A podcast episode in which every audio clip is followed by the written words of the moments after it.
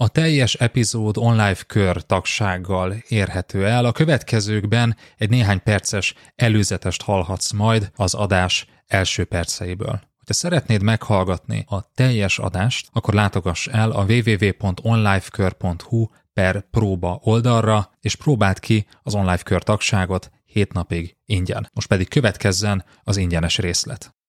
Hát meg róla egy memót fél év múlva, hogy ja, az illetővel egyébként párban vagyunk. Kit érdekel? Bántalmazás, zaklatás, lopás.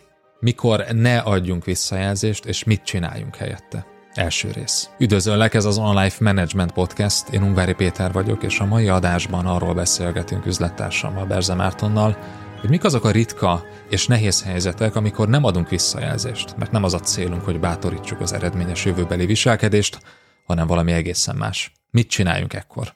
Tarts velünk! A mai adás kivételesen elsősorban azoknak szól, akik használják az eredményes menedzserben leírt vagy tanult eszközöket, tehát ez vagy a könyvre, vagy a tréningekre, vagy a bootcampre vonatkozik. Nem gyakran csinálunk ilyen adást. Legtöbbször olyan adásokat készítünk, amelyek nem előfeltételezik azt, hogy mondjuk használod a van megbeszéléseket, vagy a visszajelzési modellt. Persze a többi adásban is bátorítunk erre, tehát jelezzük, hogy ezek nagyon hasznos eszközök, sőt kulcsfontosságú eszközök, de néha fontos ilyen adásokat is készíteni, mert rámutatnak arra, hogy mikor nem használjuk ezeket az eszközöket mire nem alkalmas az a visszajelzés, amit adott esetben a hétköznapokban használsz. Így van, és azért, hogy mikor adj visszajelzést, azt azért tanuld meg a könyvből, vagy erre az eredményes menedzser tréningre, nem fog fájni. Mert lehet, hogy egy kicsit fájni fog, de legalább tudod, hogy miről beszélünk így utólag is, meg hát ez tényleg valóban egy hasznos eszköz. De most tényleg arról fogunk beszélni, hogy mi van akkor, amikor egy olyan helyzet áll elő, amikor nem visszajelzést érdemes adni, hogy mit, azt majd szintén megbeszéljük, de hogy miért? Tehát miért van az, hogy vannak olyan helyzetek, amikor nem az az első számú nulladik tanácsunk, hogy ne adj visszajelzést. És a visszajelzés céljához kell visszatérnünk, hogy ezt jól meg tudjuk válaszolni, mert hogy a visszajelzés célja elsősorban az, hogy bátorítsunk egy eredményes jövőbeli viselkedést. Na de azért vannak olyan helyzetek, lehetnek olyan helyzetek, amikor a csapattagunk, a kollégánk valami olyan kirívó dolgot tesz, ami után hát az sem lenne meglepő, hogyha kirúgnánk őt. És ilyen helyzetben most visszajelzést adjunk? Hát nyilvánvalóan nem. Igen, és majdnem minden tréningen felmerül ez a kérdés, amikor a visszajelzéshez érünk, hogy na de mi a helyzet akkor, amikor? Mi a helyzet akkor, amikor a kollégám idegesen üvölt a folyosón? 30-40-50 másodpercen keresztül. Na ilyenkor hogy adjak visszajelzést? És nyilván a válasz ilyenkor az, hogy sehogy. Mert amikor ordít a kollégád a munkahelyen, akkor nem visszajelzést adsz, hanem valami más csinálsz. Abban a helyzetben nem az a célod, hogy bátorítsd az eredményes jövőbeli viselkedést. És az, amiről beszélünk, az azért lesz különösen hasznos és fontos, ha tetszik értékes számodra, mert hogy ezek nagyon feszült helyzetek. Rettenetesen nagyok az indulatok. Ez döntően váratlan, tehát hogy nem feltétlenül tudod, hogy ez fog következni, például kiborul egy kollégád, vagy elkezd minősíthetetlenül viselkedni, vagy indulatoskodni, vagy nagy Isten belenyúl a házi pénztárba, és a többi. És ugye ezekben az erős, váratlan, érzelmileg túlfűtött helyzetekben sokszor nincs idő arra, hogy hogy mérlegeljünk, hogy alaposan végig gondoljuk, hogy hm, hát igen, és akkor most erre mi lenne a jó reakció? Ugye ott kellene valamilyen prompt válasz, de nincs rá időnk, hogy végig gondoljuk. És ennek sokszor az a következménye, hogy lebénulunk, hogy megfagyunk ebben a helyzetben. Így van, ilyenkor jön jól egy forgatókönyv.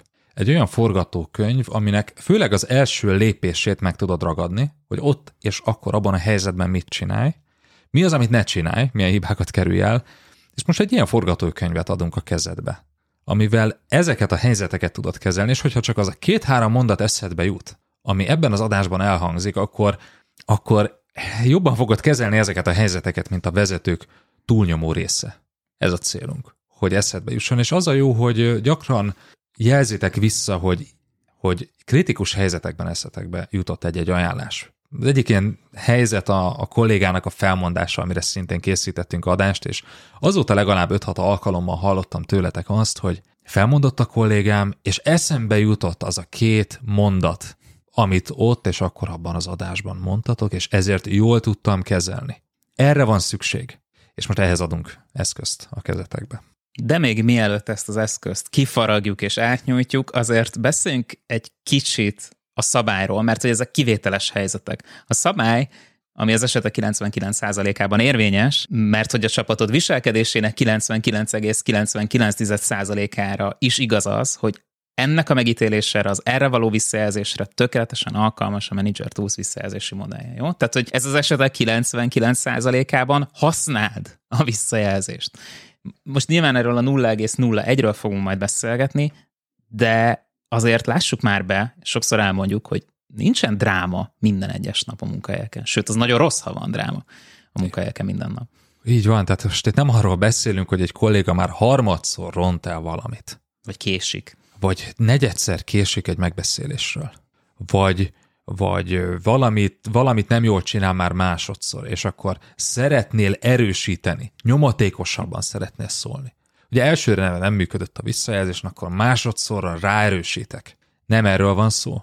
Majd arról beszélni fogunk egyébként a könyvben is, az eredményes menedzserben is szerepel ez, hogy, hogy mit tegyél akkor, amikor sorozatosan ö, nem fogadja meg a visszajelzést, nem változtat a viselkedésen, és ez, hogy mit jelent, hogy sorozatosan, ez szintén egy érdekes kérdés, amire kitérünk majd, de nem két-három alkalmat jelent. Azért, mert a visszajelzés az kis korrekciókról szól. Arról szól, hogy van egy kis probléma, vagy van egy kis ö, eredmény, egy kis pozitív viselkedés, és a pozitív viselkedést megerősítem, és a kis negatív viselkedést pedig igyekszem korrigálni. Tehát a visszajelzés erről szól, apró dolgokról.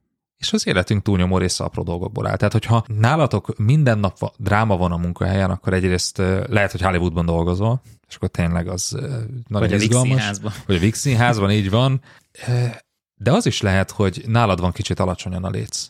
Vagy nagyon rossz kollégákkal vetted körbe magadat, ami hát ami egy óriási kiválasztási gond, akkor szeretettel várunk az eredményes kiválasztás tréningje, hogy ezt a hibát elkerült. És az a gond, hogy sok vezető ezt elhanyagolja. Eddig tartott a podcast ingyenesen elérhető része. Hogyha szeretnéd meghallgatni a folytatást és további több száz vezetői tananyagot a hozzájuk tartozó írásos jegyzetekkel és videókkal együtt, akkor látogass el a www.onlifekör.hu per próba oldalra, ahol az első hét napban ingyenesen teheted meg mindezt. www.onlifekör.hu per próba.